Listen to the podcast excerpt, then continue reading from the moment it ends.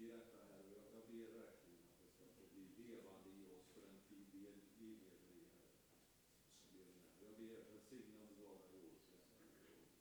Ge honom kraft och en, en glädje och en, verkligen en, en längtan efter att fördjupa sig tillsammans med dig. Herre. Så blir till näring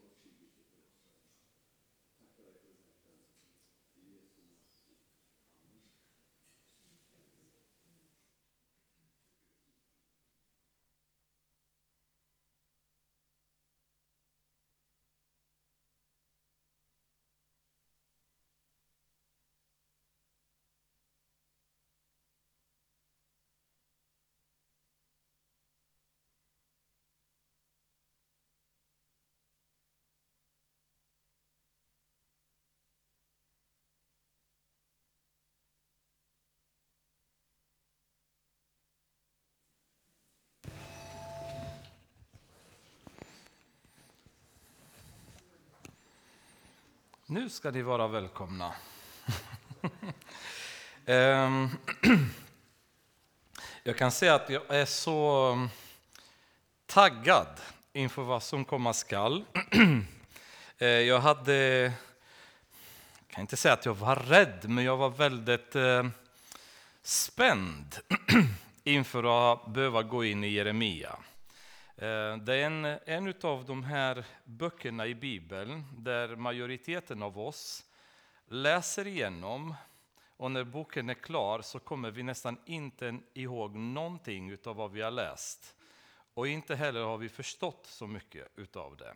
Det finns ett antal sådana böcker och Jeremia är definitivt en klassiker. Vilket är en, and, en anledning också att väldigt många församlingar inte ens vill överhuvudtaget gå in i Jeremia därför att den är en tuffare bok att gå in i.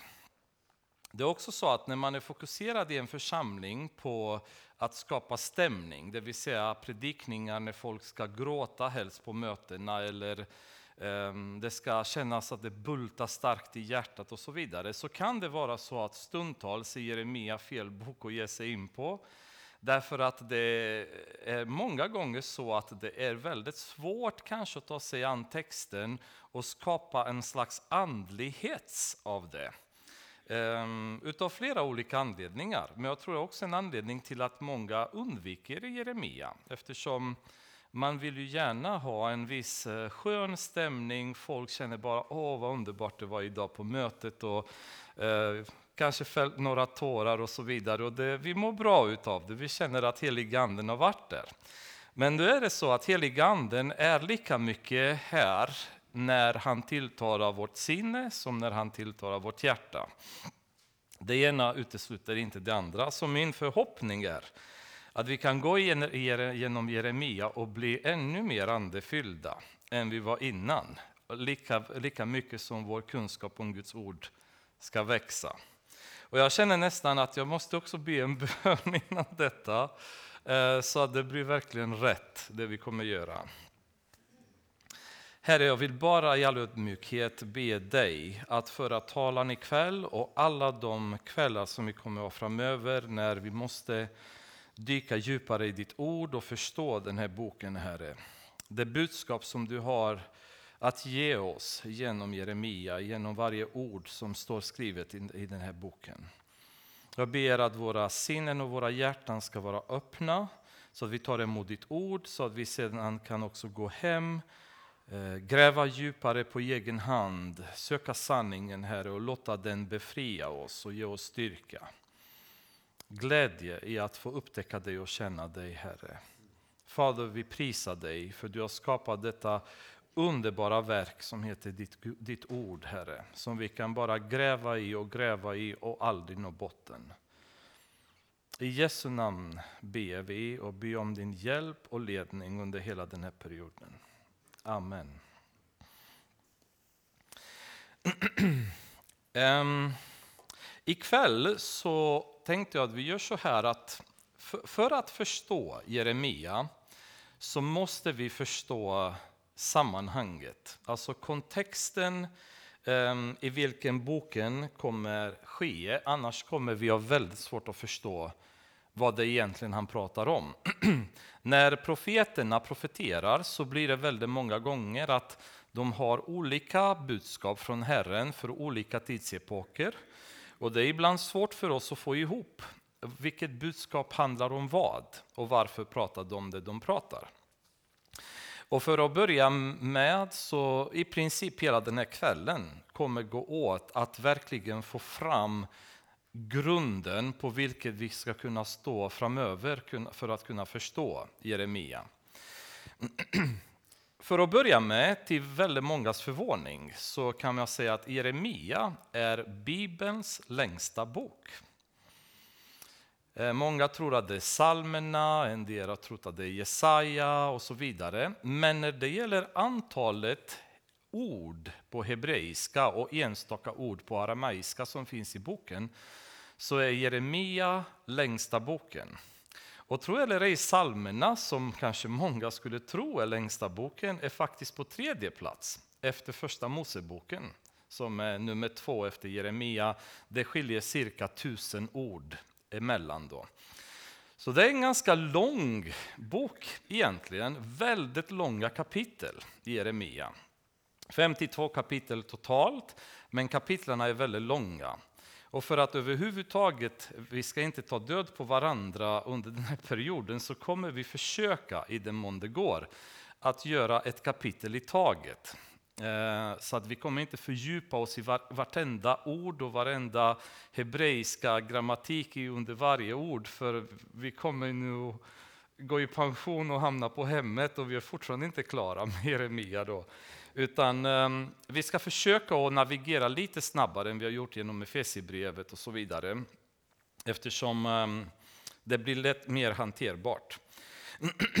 Ehm, där framme, Eh, och ni kommer inte se så bra uppenbarligen, men jag ska försöka prata så kan ni hänga med.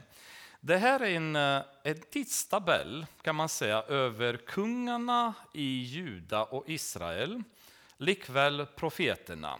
Eh, några av de mest kända i alla fall.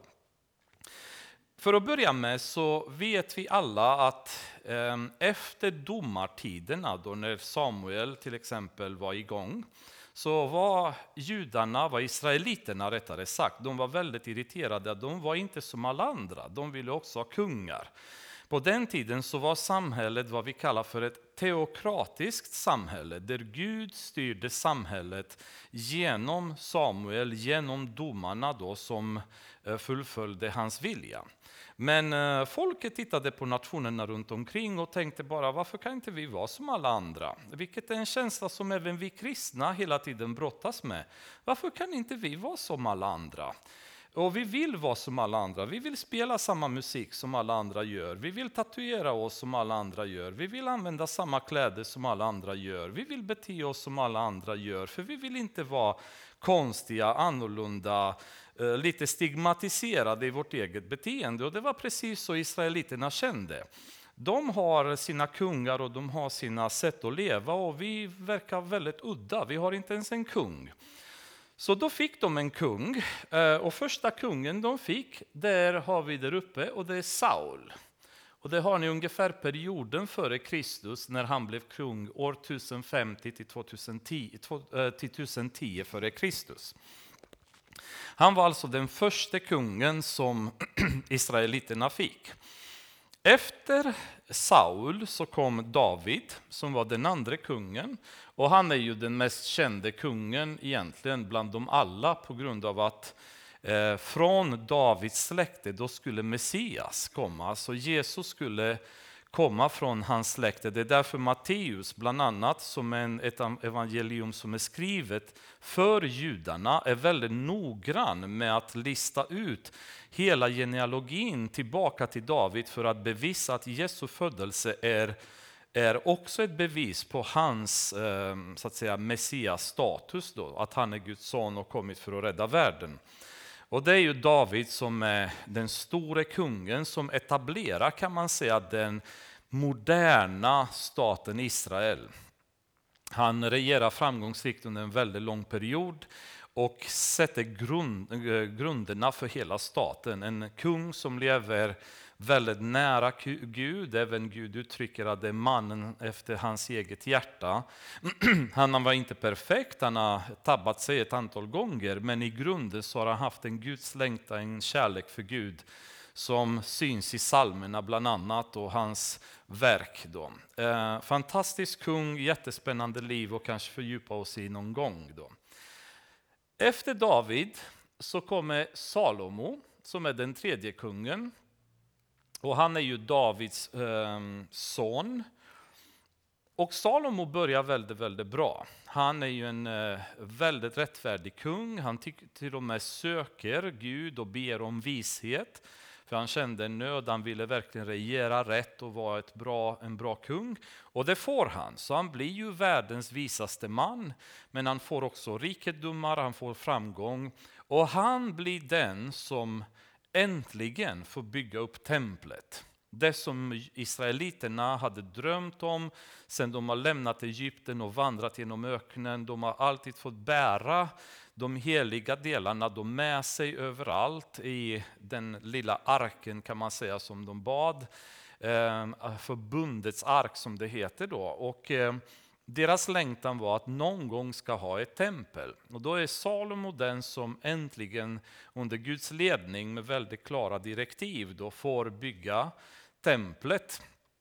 Och under Salomos tid så kan man säga så hamnar Israel i den absoluta guldåldern, eh, glansigaste perioden i Israels historia så pass eh, häftig period så att även idag refererar judar till perioden under Salomos tid. Det var liksom Israel eh, på ett sätt som det aldrig varit därefter. Då.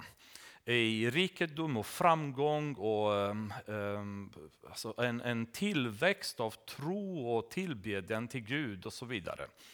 En fantastisk period. Men framåt slutet av livet, vi har kollat tillbaka när vi har gjort andra bibelstudier, att Salomo skaffade sig massa kvinnor från de omgivande nationerna som var icke-judiska. Och han faller i synd och i princip slutar sitt liv eh, som en avfälling kan man väl säga. Då. Trots hans vishet och hans kunskap så kom han ingen vart när han lät synden komma i hans liv. Och slutar ganska illa kan man säga. Eh, efter hans regeringstid, då händer en väldigt tråkig grej. Och det är nämligen så att Israel splittras sönder. Det blir en osämja mellan eh, eh, nationerna och då blir det så att ena delen är Juda och Benjamin och andra delen heter Israel. Och Israel innefattar de övriga tio stammarna. Ehm, Israel var tidigare tolv stammar, alla tolv stammarna det var ehm, Isaks söner. Eller förlåt, Jakobs, förlåt, Jakobs söner.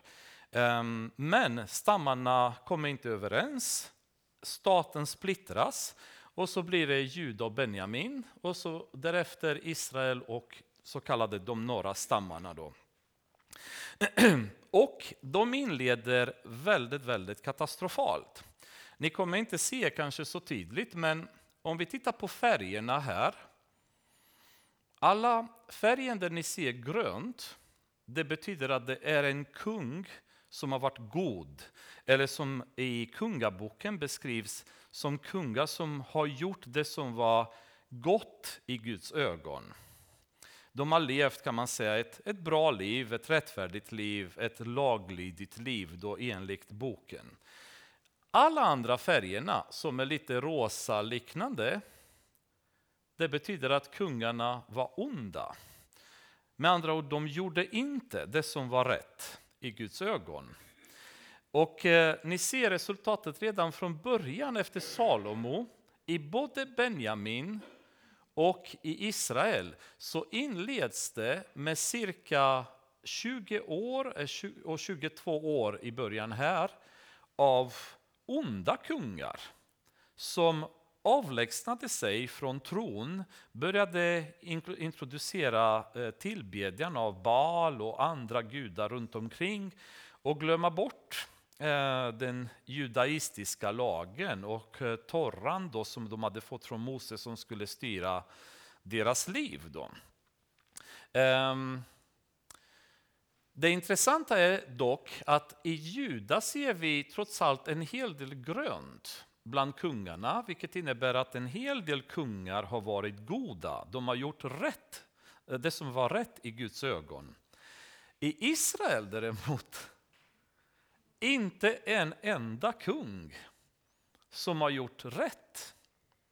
Alltså kan ni förstå, här har vi David och Salomo. Två fantastiska kungar. Visserligen har Salomo slutat illa, men han har gjort väldigt mycket gott innan. Och direkt efter dem så är det katastrof. Alltså tittar vi här från år 931 till år 712, över 200 år. Inte en enda kung som har gjort rätt i Guds ögon. Medan i Juda och Benjamin visserligen så dyker upp en och annan emellan.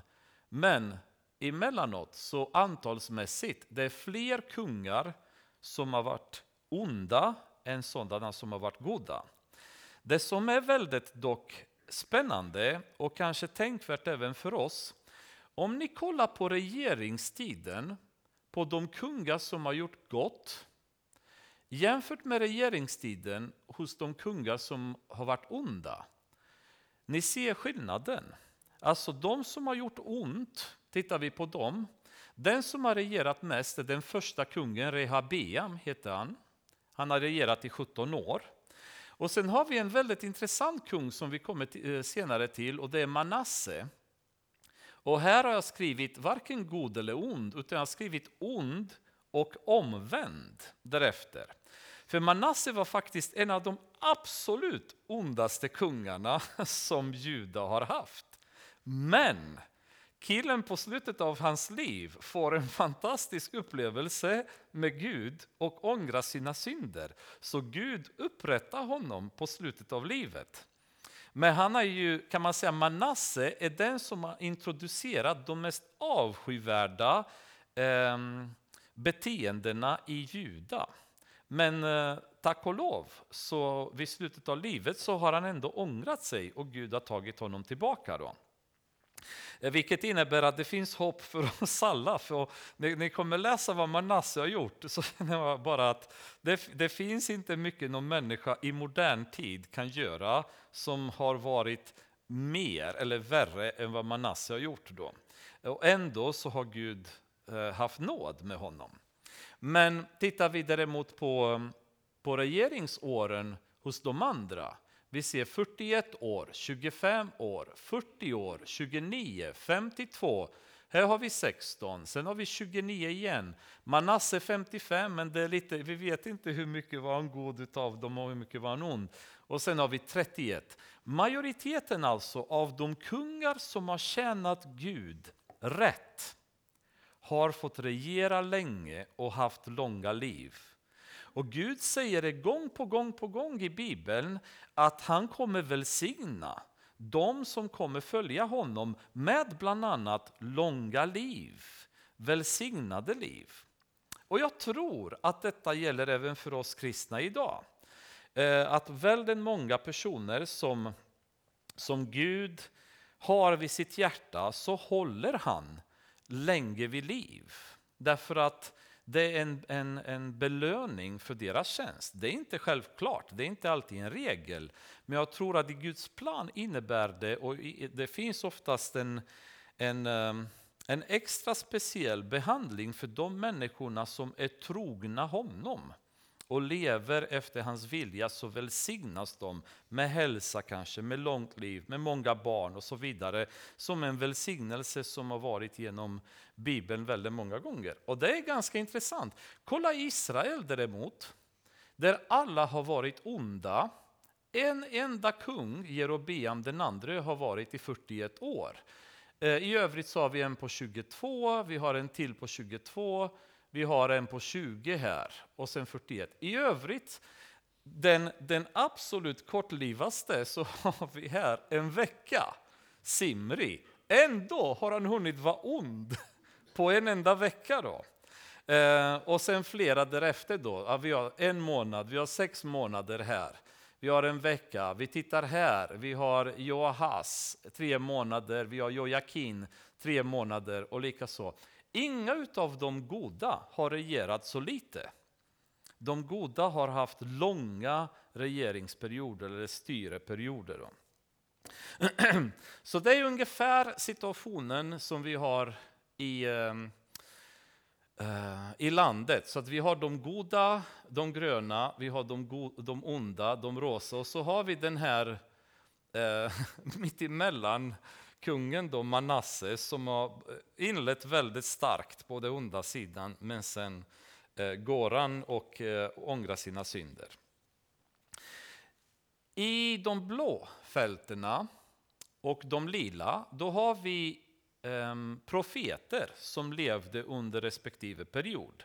De som jag markerat med lila är profeter som inte har någon bok i Bibeln, men de har funnits och de var aktiva. Eh, ni känner igen bland annat Elia, Elisa som är bland de mest kända, men även Mika, Haja och Semaja. De hade lite kortare period i första kungaboken. Men de mest kända utav dem det är ju utan tvekan Elia, eh, Elisa då. Det är ju de, de två stora, men de har inga böcker dedikerade i Bibeln.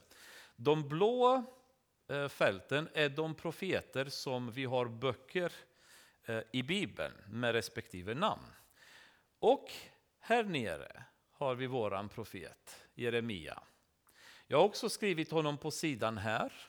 Därför att Jeremia har varit aktiv under eh, regeringsperioden av fem olika kungar i judar.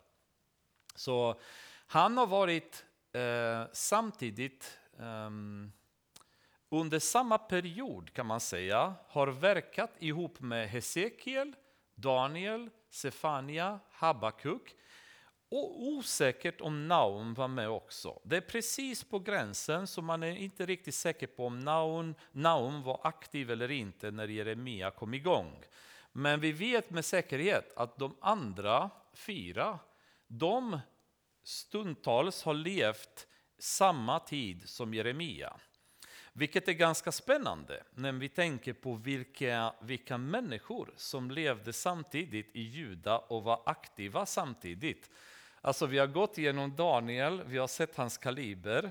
Om Herren dröjer kanske kommer vi till Hesekiel och det är också en, en dunderprofet där också. Och sen har vi Habakuk och Sefania, vilket är ju så kallade småprofeter, men de var dock aktiva och väldigt starka på sin tid. Då.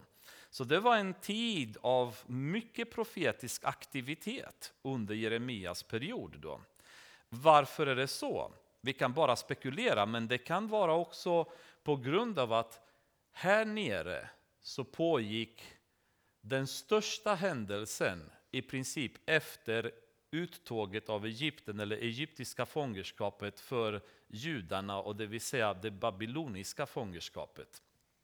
När mer eller mindre staten utplånades från kartan och Jerusalem jämnades ut med marken. Så det var en kataklysmisk upplevelse för judarna att gå igenom. Och det kan vara så att under den här perioden Gud reste också människor som skulle leda landet, som skulle förmedla hans budskap till folket. För Gud är inte tyst när vi går igenom tuffa perioder. Vi tror att han är, men det kan också vara ett bevis på att han inte är det. För att de största, bland de största profetiska böckerna har skrivits under just den här perioden. Då. Om vi vänder lite grann till Israel här. Ni ser att här tar kungarna slut i Israel. Det som hände här, det är att eh, under den här perioden, någonstans häromkring så reste sig ett imperium i Mellanöstern-trakterna som, som var det assyriska imperiet. Och det assyriska imperiet sträckte sig från bortåt Babylon, Persien, delar av Persien, nuvarande Turkiet, eh, mot Egypten. Och assyrierna eh, var hela tiden igång att inta nya territorier. Och eh, plötsligt så var det så att den här kungen, Pekaja, han mördades av den som kom efter honom, Pekka, som var en eh, slags general eller eh, befälhavare i hans armé. Han mördade kungen och tog över hans plats. Och han Pekka, han var ju lite, han tyckte om att slåss då, så han ihop med en som heter Resim som kom från de arameiska eh, kungadömen, då Damaskus, nuvarande Damaskus idag. De bestämde sig att vi behöver inte bry oss om assyrierna utan eh, vi ska mucka gräll med dem. Och likaså så gav de sig på Juda. Eh, under den tiden så styrdes Juda av Ahas. Och de startade krig mot Ahas. Och Ahas han blev eh, lite stressad av de här arméerna. Så han vände sig till eh, assyriska kungen som heter Tiglat-Peleser. Eh, jag ska bara också säga, allting som jag pratar om här finns i Bibeln. Så det är inte British historia eller något sånt där, utan det finns i första kungaboken, krönikeböckerna, till viss del Daniel och så vidare. Andra kung, kungaboken, andra krönikeboken och så vidare. Så eh, jag har försökt väldigt mycket att inte gå till så att säga, sekulär historia, utan bara titta på vad säger Bibeln om de här perioderna. Det sägs ganska mycket faktiskt. Så man behöver inte så mycket annan historia. Men hur som haver, den här Tiglat-Paleser, eh, Ahas han går till honom, till assyriska kungen, och ber om hjälp mot eh, israeliterna och ehm, eh, arameiska arméerna norrifrån. Då. Och eh, assyrierna rycker in och de är på riktigt dåligt humör. Alltså han till Glattpelesser, den här, han, har ingen, han är en slags assyrisk Nebukadnessar, när ni kommer ihåg från Danielboken. Väldigt skicklig general, väldigt eh, bestämd. Han tolererar ingen tjafs, ingen eh, bråk, utan han bara går och jämnar allt med marken. Vilket han gör. Så han kommer in, rycker in och hjälper Ahas, men på köpet förintar Israel och tar Israel och några stammarna i fångenskap. Så här, året 712 f.Kr. upphör Israel att existera.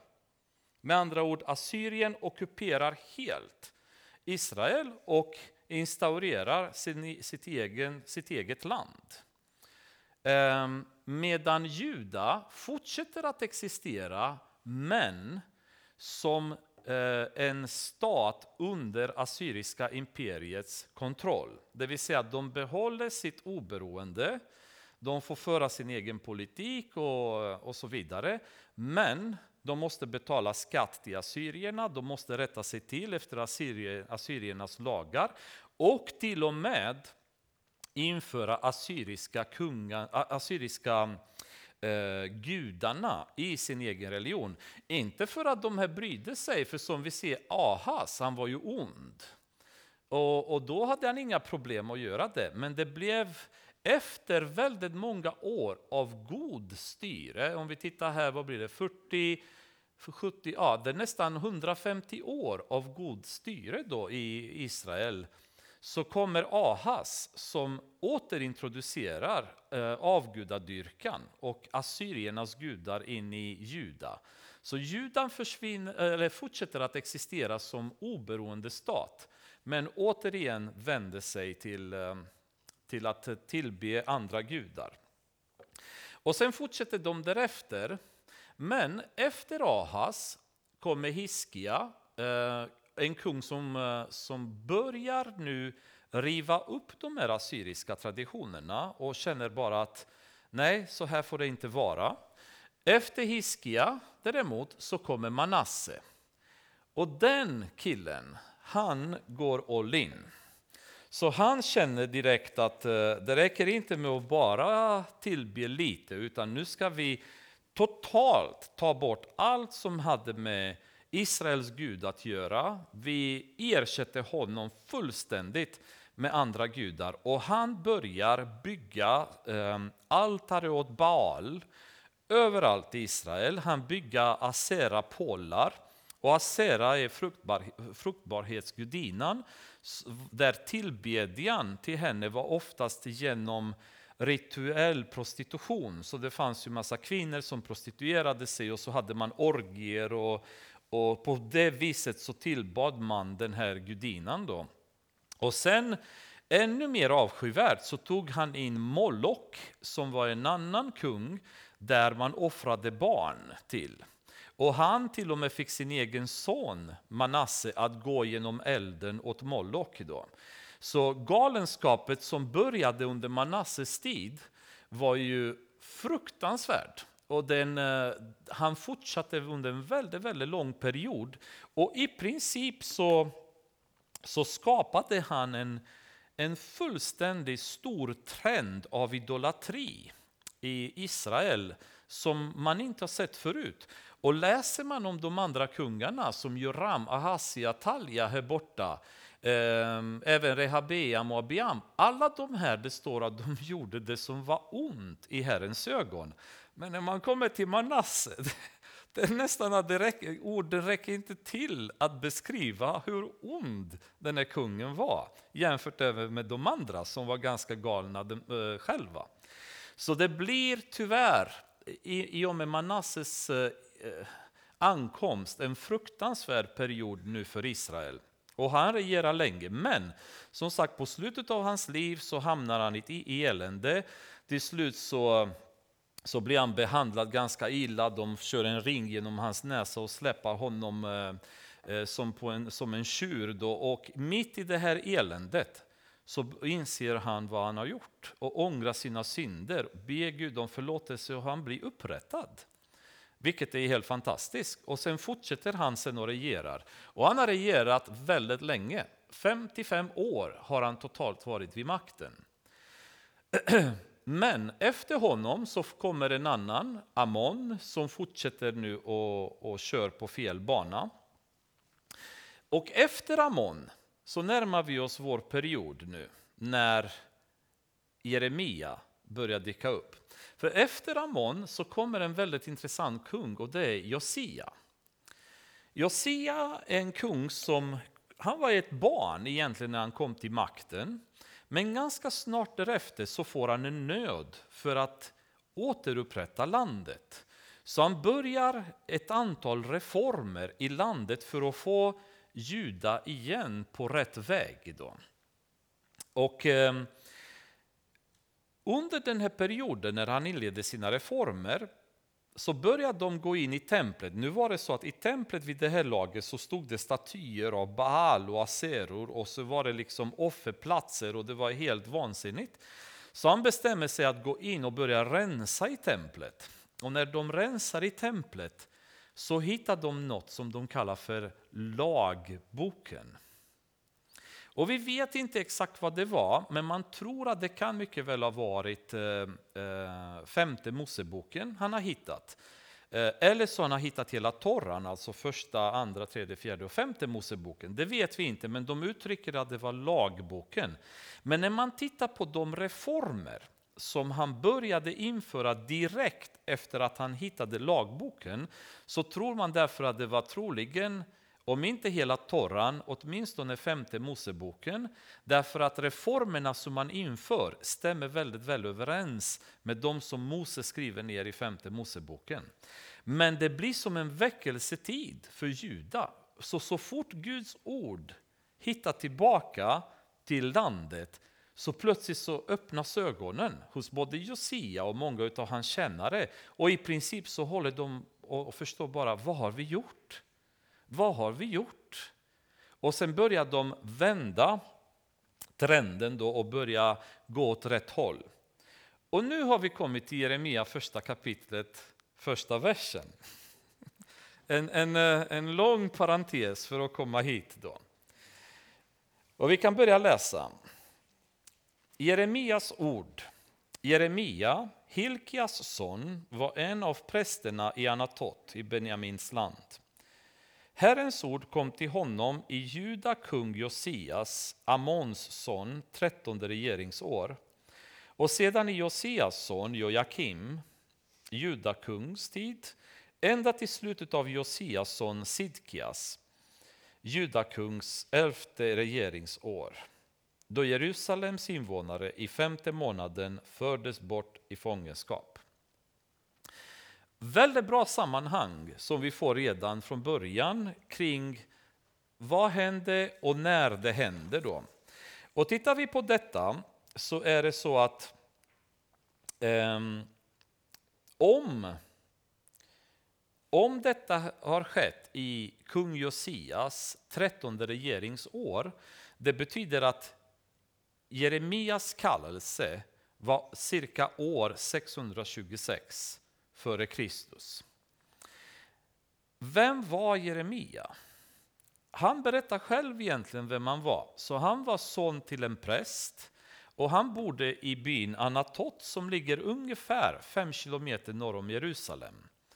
Så eh, det är vad vi vet om hans födelseplats och vad vi vet om hans eh, härkomst. Vi vet inte om han själv var präst. Vi har ingen aning om vad han gjorde innan han blev kallad. Däremot så, så vet vi bara att i vers, um, i vers 6, när han svarar på Guds kallelse, så står det så här. Men jag svarade, Å, Herre, Herre, jag förstår inte att tala, ty jag är för ung. Ordet Jeremia använder för ung på hebreiska heter naar. Och det är ett ord som kan lika väl tolkas som jag är bara i min barndom eller jag är bara en tonåring. Så att eh, man tror att Jeremia vid kallelsestid måste ha varit en yngling i alla fall, någonstans i tidig eller sen tonår är man rätt så säker på.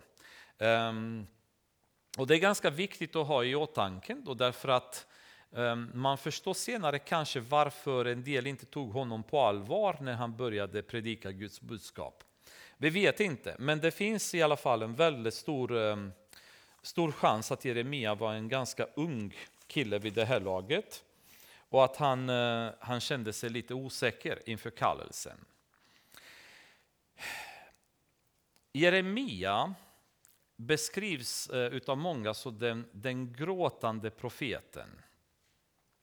Han har totalt verkat under cirka 40 år. Eh, vi vet inte väldigt mycket om hans period under Josia. Josia var en väldigt gudfruktig kung.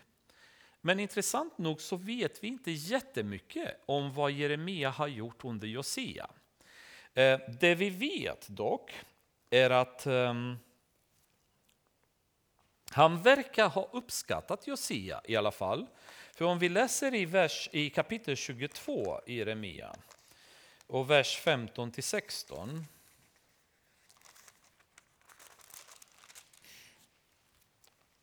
så, så tilltalar Jeremia den dåvarande kungen Jojakim som var son till Josia.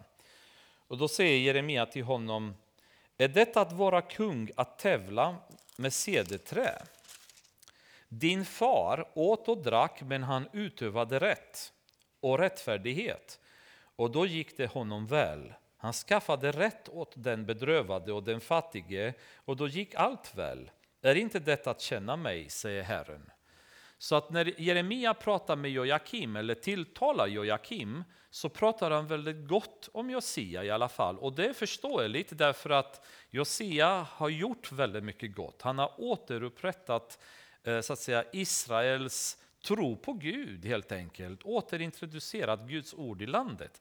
Så från detta kan vi, eh, anta att Jeremia var väldigt nöjd. Och det är kanske därför det inte finns jättemycket profetisk aktivitet som vi vet eller känner till.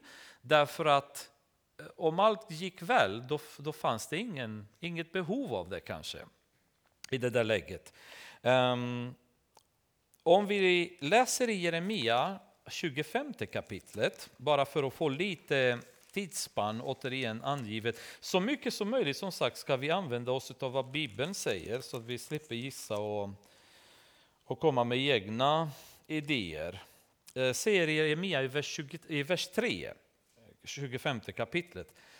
Ända från Josias, Amons sons, judakungs trettonde regeringsår, så att från vers 1 för han säger i vers 1, vid trettonde regeringsår började han bli kallad. Så ända från det året, säger han, och till denna dag, under dessa 23 år, har Herrens ord kommit till mig. Jag har gång på gång talat till er, men ni har inte velat höra. När pratar han nu? Om vi läser lite innan, så säger vers 1. Detta är det ord som kom till Jeremia angående hela juda folk i Josias son Jojakims, judakungs fjärde regeringsår. Då vet vi med andra ord att när Jojakim, här har vi honom, hade sitt fjärde regeringsår, då hade Jeremia enligt eget utsago profeterat i 23 år. Det, med andra ord, han hade varit aktiv i 23 år. Eh, under tiden så har vi haft en kung till, Joahas, men han i princip blir inte speciellt mycket nämnd för han har bara regerat i tre månader. Och sen har vi en till senare, Jojakin, som också eh, har regerat i tre månader. Men i alla fall så vet vi nu att från från första eh, så att säga, gången när han kom, när Josia hade regerat i 13, år, då började Jeremia sitt liv. Han profeterade därefter 23 år till Jojakims fjärde regeringsår. Men sen fortsätter han därefter och profeterar. Och man eh, tror att Jeremias, eller man tror, man vet att Jeremias fulla profetiska liv, så som vi känner, har varat ungefär i 40 år.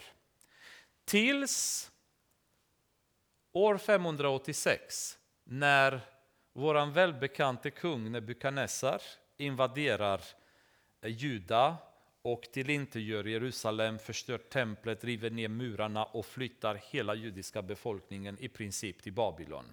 Så allt som händer här med Israel år 712. Samma sak händer med Juda år 586. Nu händer det två andra invasioner innan dess. Men efter de invasionerna så har Jerusalem har fått vara i fred. Ett antal judar har flyttats, bland annat Daniel vet vi att han flyttades till, eh, till Babylon år 605 f.Kr. i första invasionen. Hesekiel, eh, som vi har här, han flyttades vid andra invasionen 597, men sen vid sista invasionen 586, det var där hela förstörelsen av Jerusalem inträffade. Och vad hände med Jeremia då? Jeremia vid den tiden så hamnade han mot sin vilja. Eh, de hade tagit honom och flyttat honom till Egypten där man tror att han har dött år 570 före Kristus. Men det står inte i Bibeln, utan det var bara vad historia verkar ha fått fram. Men det är inte säkert. Um, Jeremia började som ung och han kallades återigen den gråtande profeten. Jeremia är en av de absolut, med mänskliga mått mätt, mest misslyckade profeten i Bibeln misslyckade. I 40 år har han profeterat utan att kunna få ett resultat för hans profetier. Han har inte kunnat omvända människorna han har profeterat till. Och det som är ändå ännu märkligare är det faktum att under hans livstid har stora profetier som han har uttalat inträffat. Och folk har ändå inte ångrat sina synder och ändå inte omvänt sig. För det är en annan sak kanske när Jesaja profeterar om Jesu ankomst eller Mose redan i Moseböckerna. Moseböckerna pratar om Jesu ankomst, alltså det är ju profetier som tar 1500 år innan de inträffar. Eller Daniel som profeterar om antikristens ankomst som ett tusentals år därefter. Men Jeremia har profeterat om saker som inträffade år efter. Och alla som har hört hans profetior har sett dem inträffa. Och ändå har de inte omvänt sig. Så i 40 år har den här mannen levt ett miss, fullständigt miserabelt liv. Han kallades som ung, han fick förbud från Gud att gifta sig. Han, eh, han fick, alla vände honom ryggen. Vänner, släktingar, alla. Han betraktades som en parja, han slängdes i fängelse, han förföljdes och de försökte få tag på honom flera gånger. En gång så slängde de honom i en brunn i lera, så han låg där i lera, stackaren, in i brunnen. Ehm, och i, trots detta, i 40 år av att kämpa och predika, så hände ingenting. Människorna omvänds inte. Och han är ju så förtvivlad över detta så om vi går till kapitel 20 så, så har han helt enkelt fått nog. Han orkar, orkar inte mer. Och i kapitel 20, vers 8, så ropar han till Gud. Och säger så här. Om vi börjar från vers 7. Du, Herre, övertalade mig och jag lät mig övertalas. Du grep mig och blev mig övermäktig, så jag blivit ett ständigt åtlöje. Alla hånar mig. Ty så ofta jag talar måste jag klaga över våld och förtryck. Måste jag ropa, ty Herrens ord drar över mig spott och spe hela dagen. Men jag tänkte, jag vill glömma honom och inte mer tala i hans namn. Så han, han i princip säger bara, jag får bara problem. Alla hatar mig, alla spottar på mig, alla förföljer mig. Ja, jag orkar inte tala till här, den här nationen, till det folket som är så eh, på något sätt eh, förstenad i sin inställning gentemot Gud. Jag vill inte tala mer. Då blev det i mitt hjärta som en brinnande eld, instängd i mitt innersta. Jag ansträngde mig att uthärda den, men kunde det inte. Jag hör många förtala mig. Det är skräck från alla håll. Ange honom. Jag vill, jag vill, ja, vi ska ange honom.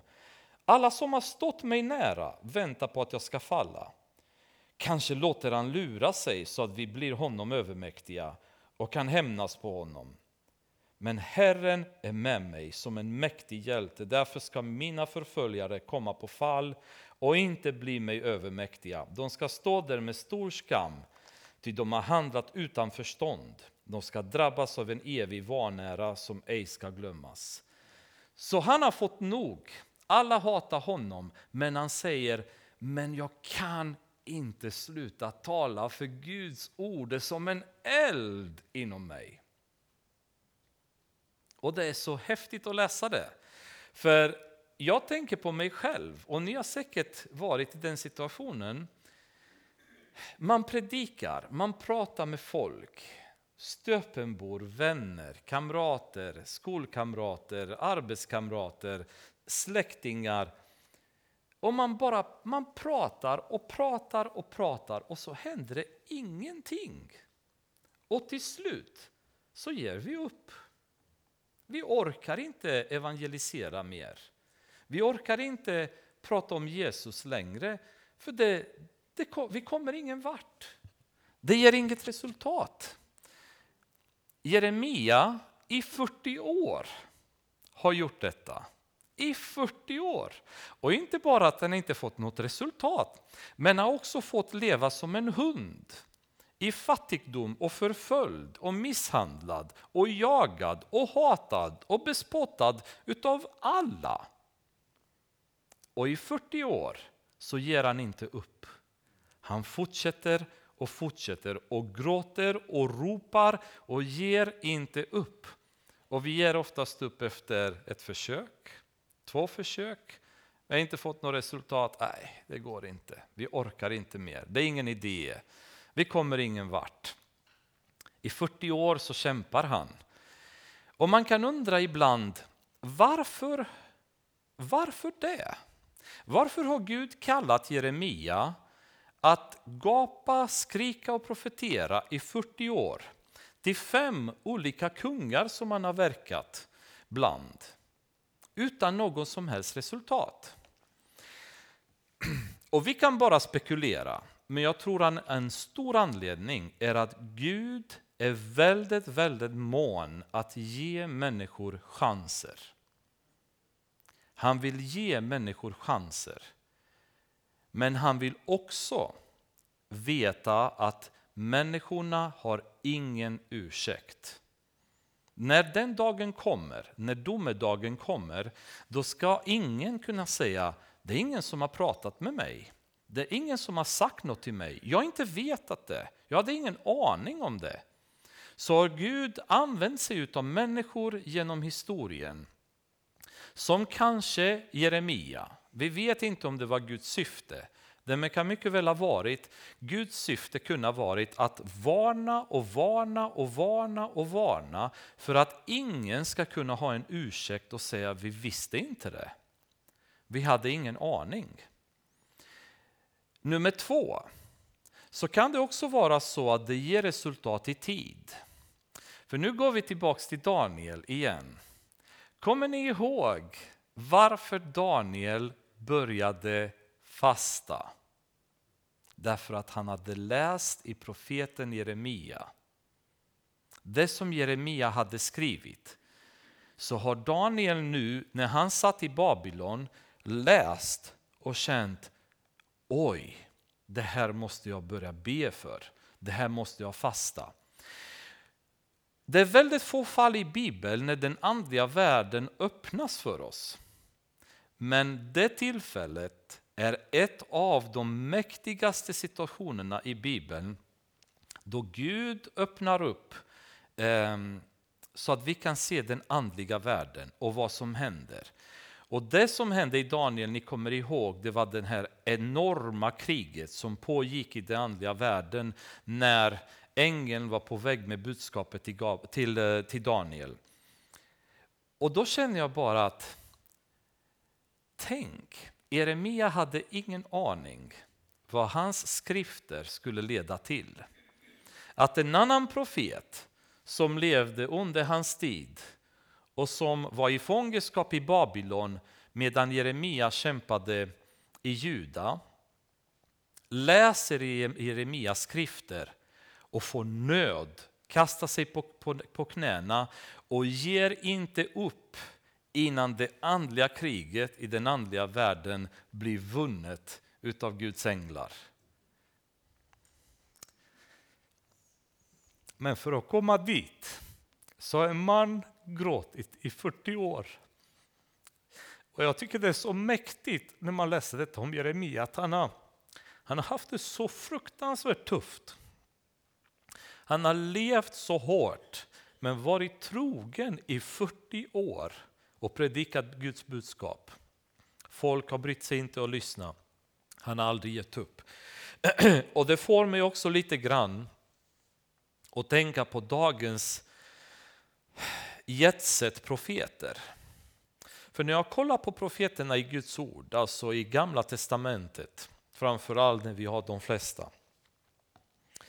Och så ser vi vilket liv de har levt. Vad hatade de har varit. Vad många av dem har mördats och dödats står det till och med i krönikeboken. Och Jeremia är praktexemplet av, av den kategorin profeter som har levt under hård förföljelse. Så har jag väldigt svårt att förena nuvarande framgångsprofeter som flyger omkring i, i, flyg, i jetflygplan och är multimiljardärer eller är miljonärer och är superpopulära och inbjudna på talkshows och är älskade utav alla och alla tycker det är så fantastiskt. Jag har väldigt, väldigt svårt att tro på dem om jag ska vara ärlig. Ju mer man gräver i Jeremia och man ser den mannen slita så känner man bara, vad håller vi på med? Vad har kristna församlingen hamnat i? En affärsverksamhet och folk som är ute för att berika sig och bli kända, skaffa sig ett namn, bli älskade av världen, bli bjudna på tv-kanaler och synas och höras där. Läser man om Jeremia och ser vad han har gått igenom därför att han har talat Guds ord okompromissat, alltså operverterat. Han har gått fram och talat Guds ord. För det är ju så att Petrus säger, om vi vänder till andra Petrusbrevet, första kapitlet. Jag sa att jag inte skulle gråta det här, men, men eh, alltså Jeremia, det, den får en att fälla några tårar kan jag säga. Det ska bli så kul när man kommer till himlen, alltså kunna sitta ner och prata med de här människorna. Bara sätta sig med Jeremia och säga, hur var det? Hur hade du det där? Ja, vad häftigt. Nu ska se. Nu ser inte jag det längre så jag måste bara... Andra Petrus var det. Eh, första kapitlet. Då säger Petrus så här, vers 20. Framförallt ska ni veta att ingen profetia i skriften har kommit till genom egen utläggning. Ty ingen profetia har burits fram genom någon människas vilja, utan ledda av den helige Ande har människor talat vad de fått från Gud. I 40 år har Jeremia troget talat vad han har fått från Gud. Han har pratat till döva öron, han har pratat till väggar som inte har velat lyssna. Han har ropat, han har försökt allt han har kunnat och med, meddelat nationen vad Gud hade att säga till dem. Han har aldrig fått ett tack. Han har alltid fått leva eh, i förföljelse och elände på grund av det. Men kanske är det ändå så att det har lett till att en annan man som har levt också enligt Guds vilja en gång i livet, ledd av den helige Ande, har inlett tre veckor av bön och fasta och förändrat historien därefter.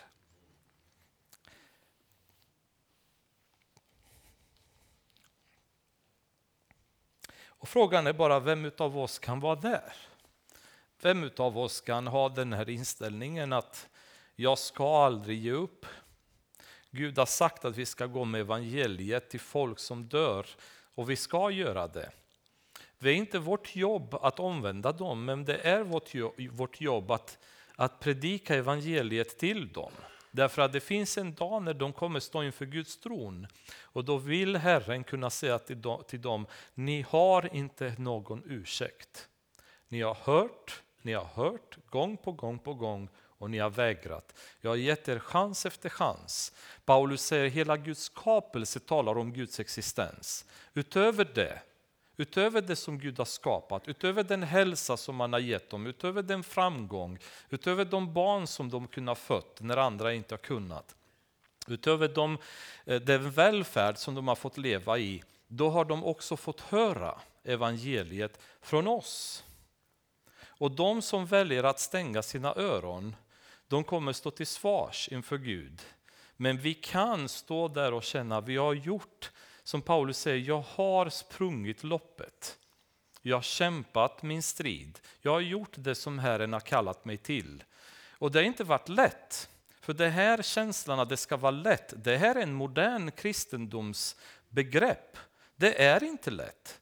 Och Jesus har gjort det klart för oss att ja, jag har kommit för att, jag har tagit med yxan, jag har tagit med konflikter mellan, mellan barn och föräldrar, mellan make och maka. Det, liksom, det kommer bli fruktansvärt tufft.